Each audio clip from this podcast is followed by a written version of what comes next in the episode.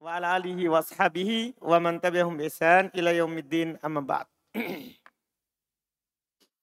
Alhamdulillah kita lanjut di hari ini terkait dengan yang menghapus hukum mubtada dan khobar yang ketiga.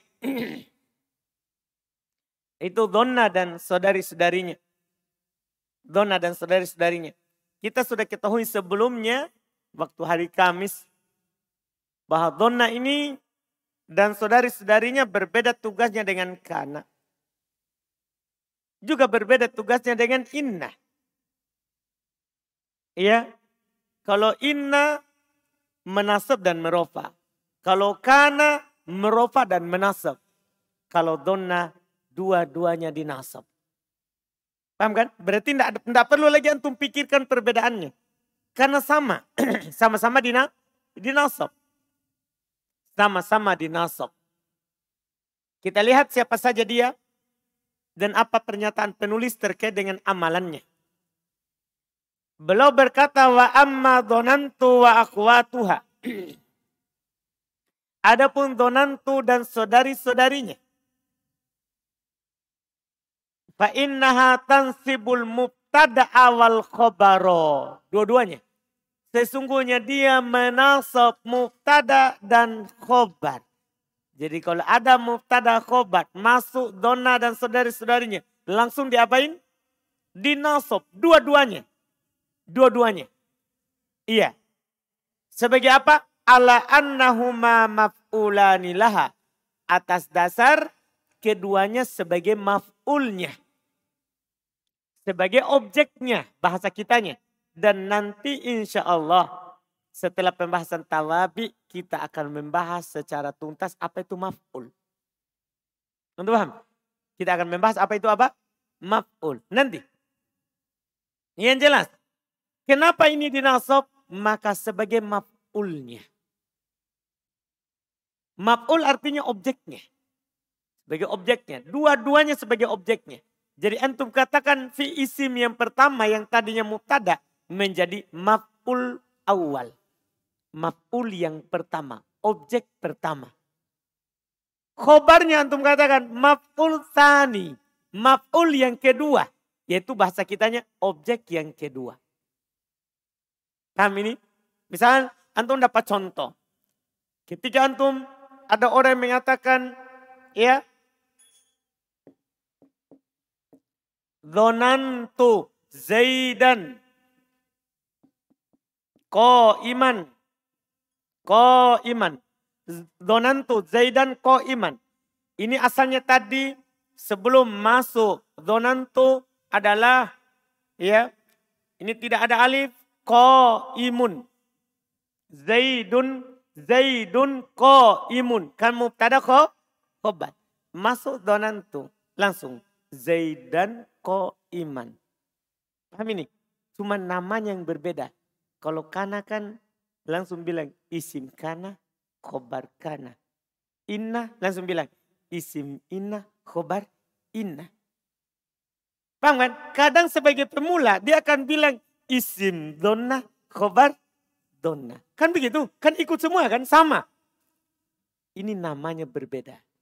Paham? Ini tadinya mubtada, dinamakan di sini maf'ul awal. Khobar dinamakan dengan maf'ul sani. Itu bedanya. Iya. Yaitu ini disebut dengan objek yang pertama. Ini sini disebut dengan objek yang ah, kedua. Dipahami ini? Karena memang dia dikenai pekerjaan. Objek itu kan yang dikenai pekerjaan. Lihat. Donantu saya menyangka. Nanti juga bisa diterjemahkan saya yakin. Zaid berdiri. Paham kan? Zaid berdi, berdiri. Jelas ini? Jelas maknanya? Ya. Di sini fokus kita bukan artinya. Tugasnya dulu. Karena nahwu adalah mempelajari harokat akhirnya, bukan mengartikan. Mengartikan itu tambahan. Paham kan? Iya tambahan. Yang pokoknya antum tahu tugasnya donantu. Tahu tugasnya apa? Donantu. menasab mubtada dan khobar. Dipahami ini? Yang pertama dinamakan maf'ul awal. Yang kedua namanya maf'ul sani. Objek pertama, objek yang kedua. Dipaham? Dan nanti maf'ul akan kita bahas nanti. Di waktunya. Sudah ini? Siapa yang belum paham ini? Secara garis besar dulu. Zona. Ayub? Paham Ayub? Hmm? Yakin? Misalnya Ayub saya bilang, Zaidun Asadun. Masukkan donantu. Mantap. Paham Ayub? Paham Fadil? Yakin Fadil? Yakin? Hah? Dia ini juga punya teman. Nanti ada temannya. Di antara temannya adalah ada kata roa itu. Sama tugasnya. Sama tugasnya. Paham kan? Kalau saya bilang Fadl, Fadl tolibun. Fadlun tolibun. Fadl adalah seorang tolib. Masukkan roa itu. Roa itu fadlan berubah langsung. Toliban berubah langsung. Dua-duanya di nasab. Dipahami ini? Jelas? Jelas ini? Selesai. Lihat. Sisa teman-temannya. Wahia dia adalah Donantu wa hasibtu wa khiltu wa za'amtu wa ra'aitu wa alimtu wa wajadtu wa taqattu wa ja'altu wa sami'tu. Inilah teman-temannya. Ini teman-temannya. Yang sama tugasnya. Ingat dinamakan saudari karena sama tugasnya menasab mubtada dan khobar. Paham syukur? Yakin syukur? Betul syukur? Hmm? Tidak ada keraguan? Ini semuanya sama. Artinya, fadl talibun. Saya masukkan ja'altu. Akan bacaannya sama dengan donantu. Dipahami ini? Abdillah. Paham? Coba Abdillah. Fadlun talibun. Masukkan ja'altu.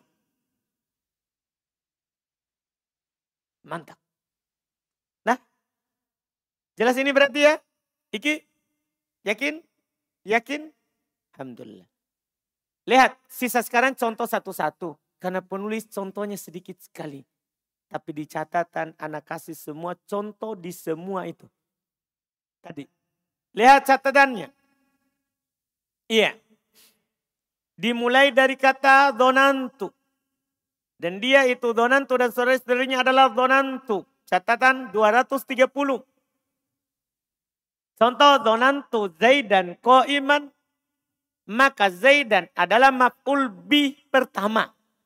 Itu bahasa Indo langsung ya sebagai orang dasar. Nanti kalau kita sudah tinggi langsung bilang maf'ul bi awal. Ini kan langsung bahasa Indo saja dulu. Maf'ulum bi yang pertama dari donantu dinasab dengan tanda fathah. Ko iman maf'ulubi kedua dari donantu dinasab dengan tanda fathah. Paham keterangannya? Jelas ya? Lelagi hasib tu. Contoh 231. Hasib tu Zaidan ko iman sama semuanya. Iya. Maka Zaidan maf'ul bi pertama dari hasib tu dinasab dengan tanda fathah. Dan ko iman adalah maf'ul bi kedua dari hasib tu dinasab dengan tanda fathah. Khiltu. Contoh, khiltu zaidan ko iman. Maka zaidan maf'ul bi pertama dari khiltu. Ingat ya ganti-ganti, jangan donantu. Tergantung apa yang masuk. Seperti kemarin Kana dan teman-temannya. Jangan sampai antum nanti hanya langsung bilang maf'ul bi pertama donantu. Padahal kata lainnya yang masuk. Dipahami nih? Itu harus di Perhatikan baik-baik. Contoh berikutnya untuk kata za'amtu. Contoh za'amtu Zaidan ko iman sama. Maka Zaidan maf'ul bi pertama dari za'amtu dinasab dengan tanda fathah dan ko iman maf'ul bi kedua dari za'amtu dinasab dengan tanda fathah. Ro'a itu, lihat lagi ro'a itu Zaidan ko iman. Maka Zaidan maf'ul bi pertama dari ro'a itu dinasab dengan tanda fathah dan ko iman adalah maf'ul bi kedua dinasab dengan kedua dari roa itu dinasab dengan tanda fathah. Berikutnya lagi alim tu. Contoh alim tu Zaidan ko iman. Maf'ul bi pertama dari alim tu. Ganti saja fiilnya. Ya dinasab dengan tanda fathah dan ko iman maf'ul bi kedua dari alim tu dinasab dengan tanda fathah. Ya, lagi berikutnya wajat tu. Contoh wajat tu Zaidan ko iman sama maka Zaidan maf'ul bi pertama dari wajat tu dinasab dengan tanda fathah. Ko iman maf'ul bi kedua dari wajat tu dinasab dengan tanda fathah. Sama semua keterangannya sama. Lihat lagi ittakhottu. Ittakhottu. Ya, adapun terjemahannya ada semua di situ ya dalam kurung di atas. Ittakhottu. Contoh ittakhottu Zaidan aminan maka Zaidan adalah maf'ul bi pertama dari ittakhottu. Dinasab dengan tanda fathah. Aminan adalah maf'ul bi kedua dari ittakhottu. Dinasab dengan tanda fathah. Ja'altu. Contoh. Ja'altu tina ibriqon. Maka at-tina adalah maf'ul bi pertama dari ja'altu. Dinasab dengan tanda fathah. Dan ibrikon adalah maf'ul bi kedua dari ja'altu dinasab dengan tanda fathah. Ya. Berikutnya lagi yang paling terakhir sami'tu. Sami'tu. Contoh sami'tu Zaidan yastaghfiru. Perhatikan yastaghfiru. Ini contoh pemungkas, contoh terakhir. Kan gini, mubtada khobar itu bisa berupa jum, jumlah. Paham maksudnya? Lihat contohnya. Zaidun yastaghfiru. Khobarnya berupa apa ini? Hah? Jum, jumlah. Bisa juga. Kan berlaku ini. Apa yang ada pada mubtada khobar bisa dimasukkan oleh donan. Donan. Paham? Lihat. Sami itu Zaidan yastaghfiru. Cuma tidak dibaca yastaghfiru karena kan jumlah. Yang harus masuk itu kan kalau dia khobarnya bung muf, mufrad. Paham? Lihat, lihat. Maka Zaidan adalah maf'ul bi yang pertama dari sami itu dinasab dengan tanda fathah. Dan yastaghfiru adalah jumlah fi'liyah. Kenapa dinamakan jumlah fi'liyah ini?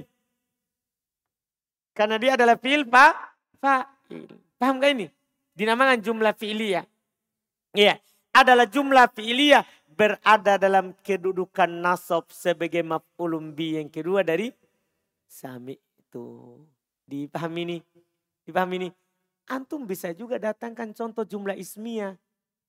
Bebas. Misalnya antum dapat gini. Zaidun abuhu ko imun. Zaidun abuhu ko imun. Masukkan donantu.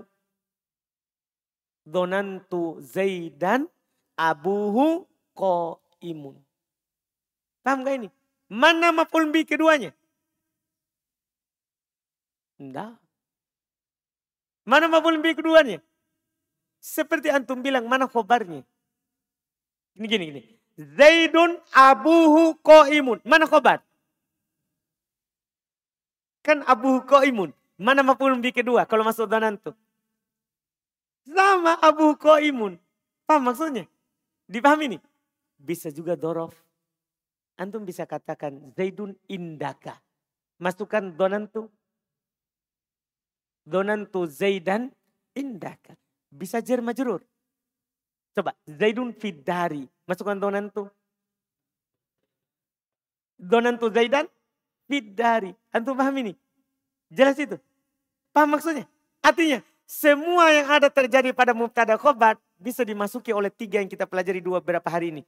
Bisa dimasuk oleh kana, bisa dimasuk oleh inna, bisa sekarang ini yang terakhir. Jelas? Jelas ini? Jelas ini? Contoh takulu, contoh penulis seperti biasa. Beliau cuma contohkan dua. Takulu kamu katakan donantu zaidan ko iman waro aitu amron syakison wama asbah dalik. Dua contoh saja. Lihat catatan di bawah. Maka Zaidan adalah maf'ul bi pertama dari donantu dinasab dengan tanda fathah dan iman adalah maf'ul bi kedua dari donantu dinasab dengan tanda fathah. Ra'aitu amron syakison, lihat 241. Amron maf'ul bi pertama dari roa itu dinasab dengan tanda fathah. Sakison adalah maf'ul bi kedua dari roa itu dinasab dengan tanda fathah. Jelas ya? Jelas ya? Selesai. Penyakit yang masuk pada mubtada khobar. Selesai. Penyakit yang masuk pada mubtada khobar. Dipahami ini? Jelas ya? Jelas ya? Selesai. Sisanya kalau di buku lain pembahasan berikutnya ini tidak ada di sini. Tidak ada di sini. Cuman penulis susunannya belokasi di sini. Seharusnya di akhir. Karena sekarang pembahasan kita adalah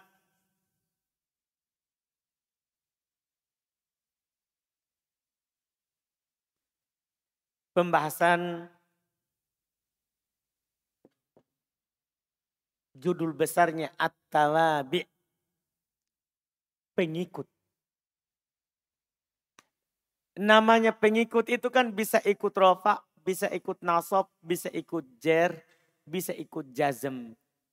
Seandainya belum letakkan di akhir, makanya nanti ada buku ketiga yang kita akan pelajari. Karena buku kedua masih matanya ini tapi syarahnya tufah. Ada penjelasan secara bahasa Arab. Paham? Sekarang kan catatannya ini pakai bahasa Indonesia. Nanti buku kedua setelah ini masih buku ini. Tapi syarahnya pakai bahasa Arab. Penjelasan kita carinya buku yang pakai bahasa Arab sudah. Jadi banyak kosa katanya. Bukan hanya ini. Dipahami kan? Ah, buku ketiga akan diubah susunannya. Karena buku ketiga adalah Mutammimah al-Ajurumiyah penyempurnanya. Jadi nanti buku ini kita akan pelajari penyempurnanya. Yang telah disempurnakan. Ada yang dibalik susunannya. Paham? Seperti ini. Ini judul nanti di akhir. Penulis sebutkan di sini. Seharusnya memang di akhir. Paham? Kan pengikut. Pengikut itu kan mengikuti semua sebelumnya. Kalau sebelumnya di rofa, rofa.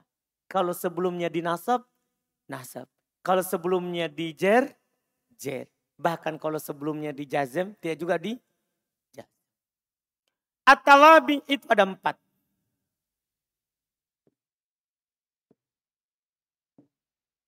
Ini kita bahas dulu di papan. Tawabi itu ada empat. Sesuatu yang mengikuti sebelumnya itu tidak keluar dari empat perkara. Sesuatu yang mengikuti sebelumnya tidak keluar dari empat perkara. Yang pertama ada namanya na'at. An-na'tu. Atau disebut juga dengan as-sifatu.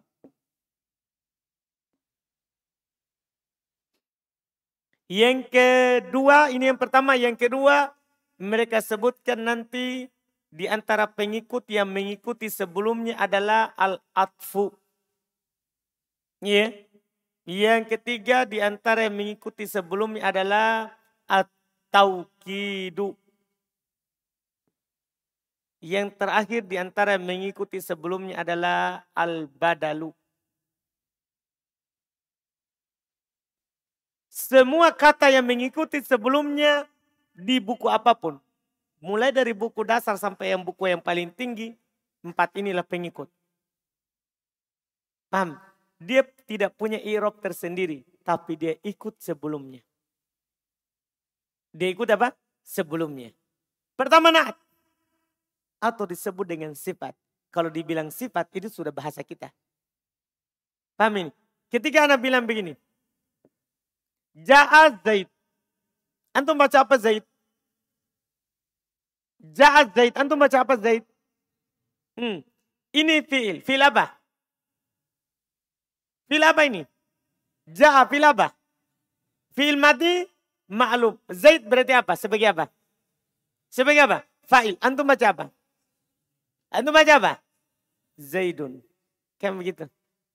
Setelahnya tiba-tiba ada sifatnya. Sifat dari si Zaid. Dia bilang al-akil. Datang Zaid yang berakal. Apa sifatnya Zaid? Apa sifatnya Zaid? Berakal. Ini disebut tabi. Pengikut. Pengikut ini kalau dia sifat namanya naat. Kalau dia sifat namanya apa? Na, naat. Sifat ini saudara tidak punya erob tersendiri. Dia mengikut kepada kata yang sebelumnya dia. Sekarang. Ja'a Zaidun. Berarti antum baca apa ini? Al-akil. Ini sifat dari Zaid. Antum baca apa? Antum baca apa? Al-akilu. Ikut ini. Paham? Dipahami ini? Dipahami ini? Sapri. Sapri kalau saya baca ini Zaidan. Misalnya ganti ja'a menjadi ro'aitu. Ro'aitu Zaidan. Zaidan. Antum baca apa? Al-A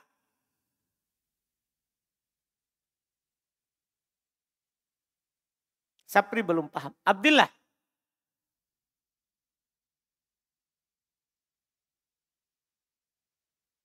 Lu. Firman.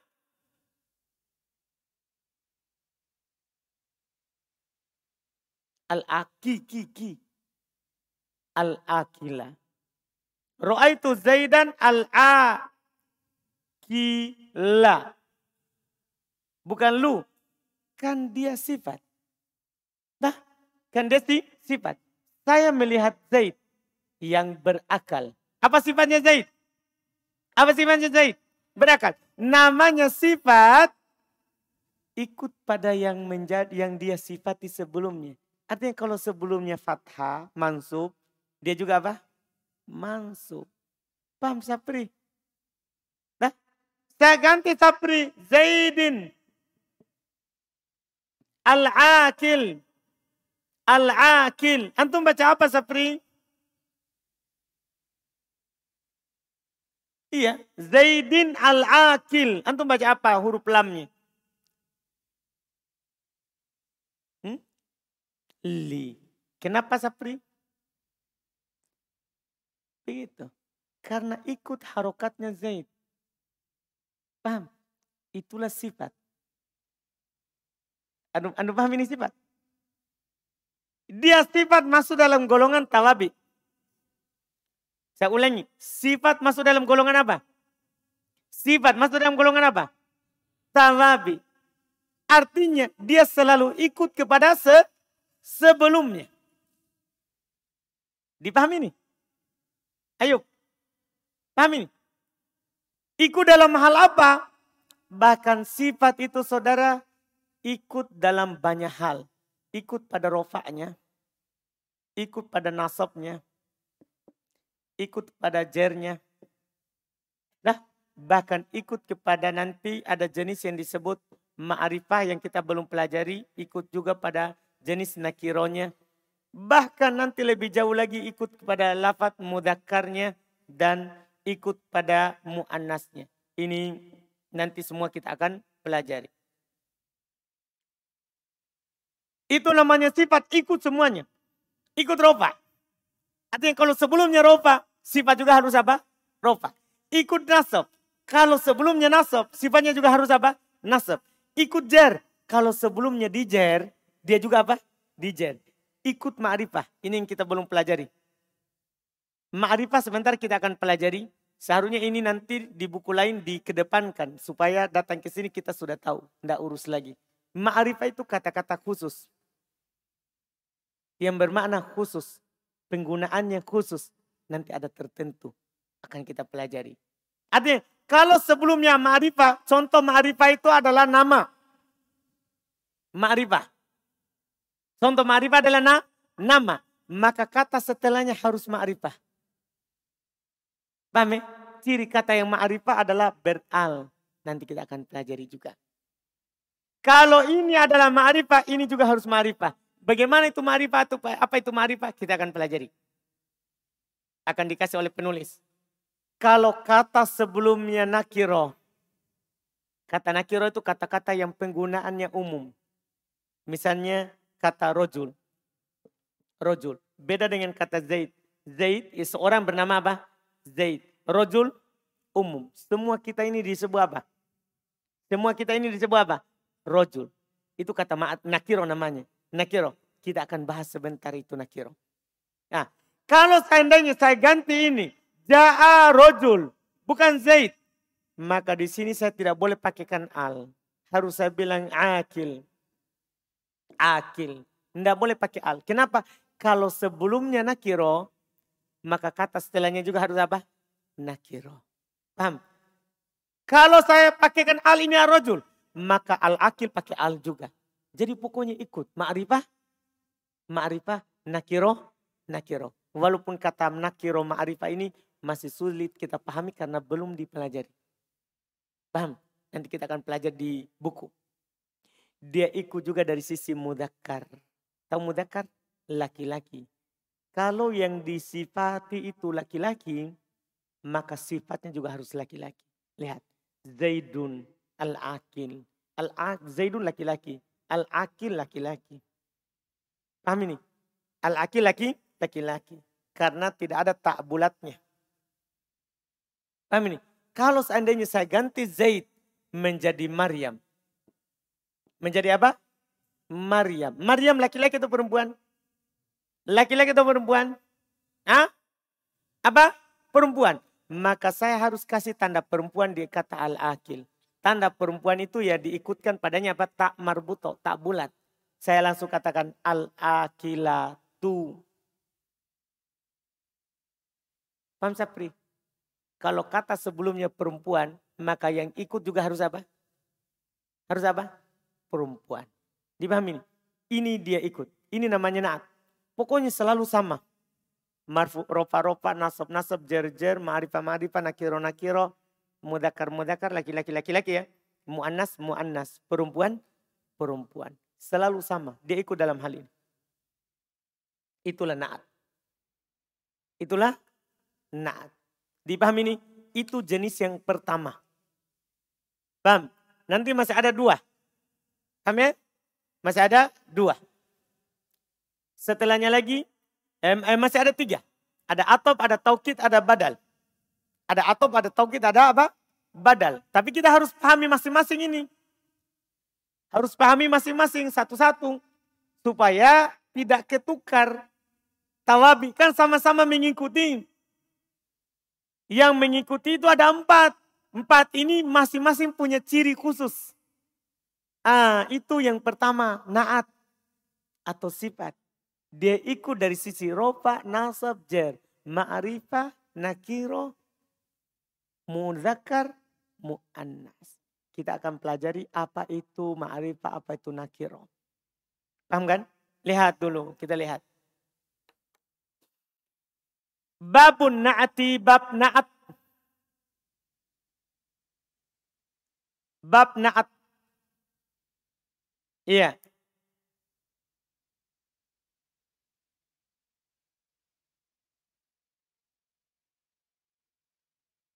Kata beliau an-na'atu na'at.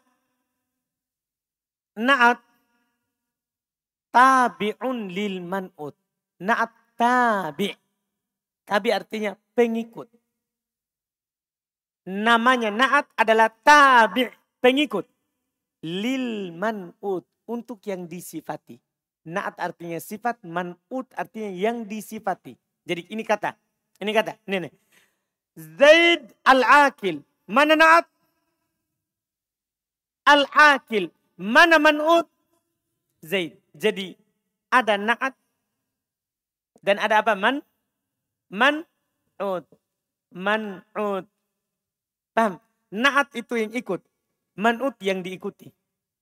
Yang diikuti disebut man'ut. Yang ikut disebut apa? Yang ikut namanya apa? Naat. Yang diikuti itu maksudnya. Dipahami ini? Ah, lihat. Pengertian An-natu tabi. Naat adalah tabi, pengikut. Lil man'ud, untuk yang di, disifatinya. Sifat tabi adalah pengikut. Lil man'ud, untuk yang disifati. Yang sebelumnya.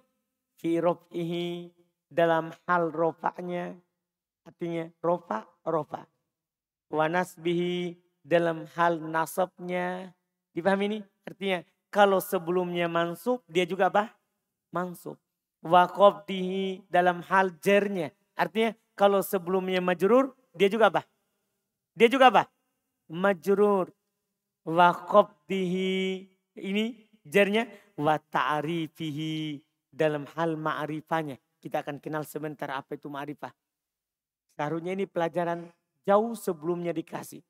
Supaya kita tidak urus lagi ini. Tapi sekarang terpaksa diurus dulu. Nanti baru kita akan lebih pahami. Watang kirihi iku juga dari sisi nakironya. Sekarang mungkin antum baru sekali belajar akan bingung. Apa itu ma'rifah? Apa itu nakiro? Adapun ropa, nasab, khofat, kan sudah. Nah, sudah nggak? Sudah pernah nggak antum dengar kata ropa? Apa itu ropa? Perubahan yang dikhususkan, tandanya domah atau apa yang menggantikannya. Nasab, sudah pernah dengar? Sudah, apa itu? Perubahan dikhususkan, tandanya fathah atau apa yang menggantikannya. Khobat. Perubahan dikhususkan, tandanya kasro atau apa yang menggantikannya. Dan naat tidak ada majzum. Ingat itu. Tidak ada naat yang dijazm. Jadi naat itu cuma rofa, nasab, khobat. Tidak ada apa? Jazm. Anda bisa paham ini? Tidak ada jazm. Wa ta'rifihi. Ah, ini yang istilah baru di sini. Dia ikut juga ternyata dari sisi ma'rifahnya. Dia ikut juga dari sisi nakironya. Tapi yang paling pokok yang antum sudah tahu tadi. Rofa, nasab, khobat. Paham ini? Ini. Namanya naat. Naat selalu ikut man'ut. Ingat itu pernyataan. Namanya naat Selalu ikut man, man'ut. Tahu mana naat? Sifat. Man'ut yang disifati. Paham? Selalu. Ropanya ropa. Nasabnya nasab. Jarnya jar. Lihat tadi. Zaidun al-akilu. Zaidan al-akila. Zaidin al-akili. Antum paham ini? Sapri? Selalu ikut. Adapun ikut dari sisi ma'rifah nakiro. Sebentar kita akan pelajari. Apa itu ma'rifah? Apa itu nakiro? Lihat keterangan dulu di bawah sebelum kita lanjut lebih jauh lagi. Tentang naat. Terjemahannya situ naat atau sifat adalah pengikut terhadap man'ut yang disifati. Dalam rofa catatan 242. Yaitu apabila man'ut dalam kurung yang disifati nanti suatu saat anak sudah hilangkan dalam kurungnya itu. Karena ketika anak sebut man'ut, antum sudah tahu. Di kepala antum sudah ada. Man'ut itu apa? Paham kan? Jadi na'at adalah yaitu apabila man'ut yang disifati dinas dirofa, maka na'at atau sifatnya juga dirofa. Seperti contoh, anda contohkan dulu. Seperti contoh, Ja'a Zaidun al-Akilu. Sama-sama dirofa, Masalah tanwin enggak ikut. Bukan tanwin yang diikuti, rofanya. Sekarang, Zaidun, rofa, nasab atau jar? Paham pertanyaan? Ja'a Zaidun al-akilu. Pertanyaannya, Zaidun, rofa, nasab atau jar? Hmm? Rofa. Paham kan? Al-akilu. Rofa, nasab atau jar? Rofa. Ikut sebelumnya. Paham ini? Ikut sebelumnya. Lihat. Maka kata al-akilu adalah na'at. Ia dirofa karena man'utnya dirofa. Yaitu Zaid. Paham keterangannya? Itu dia dirofa karena man'utnya dirofa. Man'utnya sudah saya tidak ada lagi dalam kurung. Paham ini?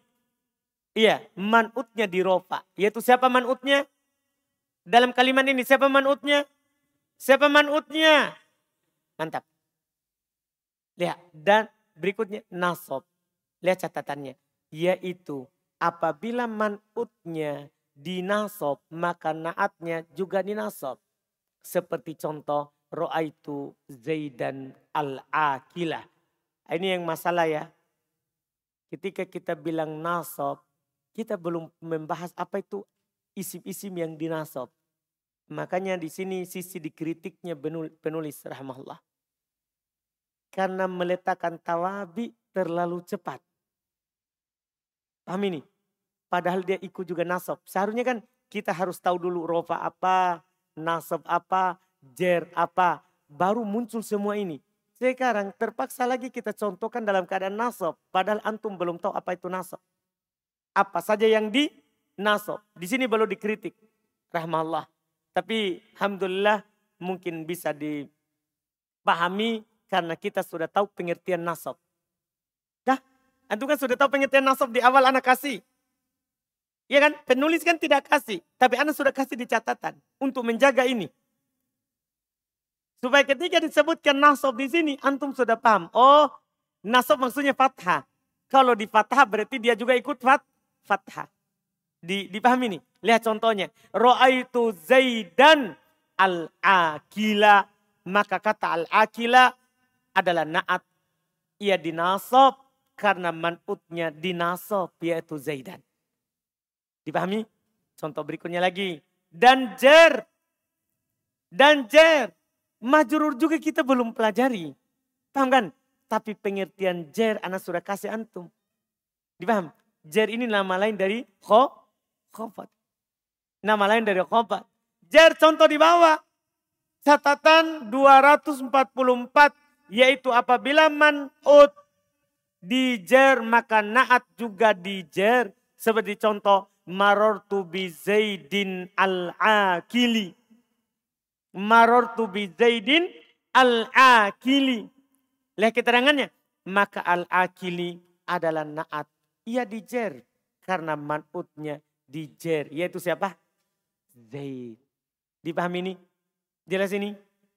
Jelas ini? Hmm, jelas? Demikian pula lihat keterangan berikutnya serta ma'rifah dan nakironya. Lihat catatan 245. Yaitu apabila man'utnya ma'rifah maka naat juga ma'rifah. Seperti contoh-contoh yang disebutkan sebelumnya. Semua contoh disebutkan sebelumnya itu ma'rifah. Tadi, contoh tadi itu tiga contoh. Ja'a Zaidun al-akilu. Ro'aitu Zaidan al-akila. Marortu bi Zaidin al-akili. Zaid ma'rifah karena nama orang. Al-akil ma'rifah karena beral. Paham maksudnya? Paham untuk untuk dasarin dulu ini. Sebentar kita akan tuntaskan apa itu ma'rifah jenis-jenisnya. Iya. Jadi Zaid ma'rifah karena dia nama orang. Terus al-akil ma'rifah. Kenapa? Kenapa? Karena beral. Karena dia beral. Jelas ya? Jelas ya? Berarti ma'rifah ma'rifah. Demikian pula nakironya. Lihat catatan 246. Yaitu apabila man'utnya nakiroh. Maka naat juga nakiroh. Seperti ja'a rojulun. Rojulun itu nakiroh. Kata umum. Karena semua laki-laki dewasa disebut apa? Rojul. Berarti ma'rifah atau nakiroh? Ma'rifah khusus atau umum? Ma'rifah artinya kata khusus penggunaannya. Nakiro umum penggunaannya. Paham itu? Jadi ini rojul, nakiro atau marifah? Hah? Nakiro. Maka naatnya juga harus nakiro. Akilun. Ro'aitu rojulan akilan. Marortu birojulin akilin. Paham ini? Dipahami ini? Nakiro, nakiro. Terus jangan lupa rofa, rofa, nasab, nasab. Jer, jer, jer. Takulu. Lihat contoh dicontohkan oleh penulis. Tadi itu contoh dari anak di catatan untuk menjelaskan dulu tadi.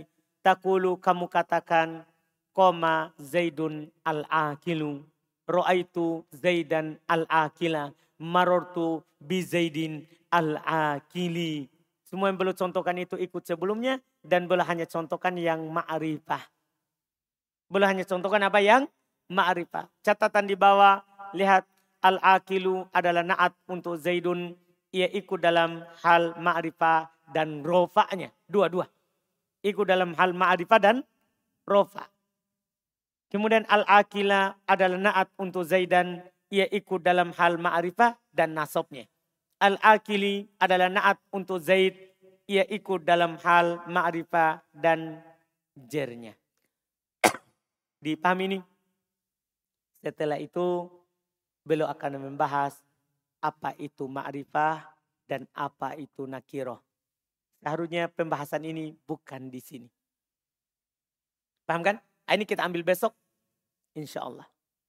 Semoga eh, besok bisa selesai ma'rifah nakiro dipahami.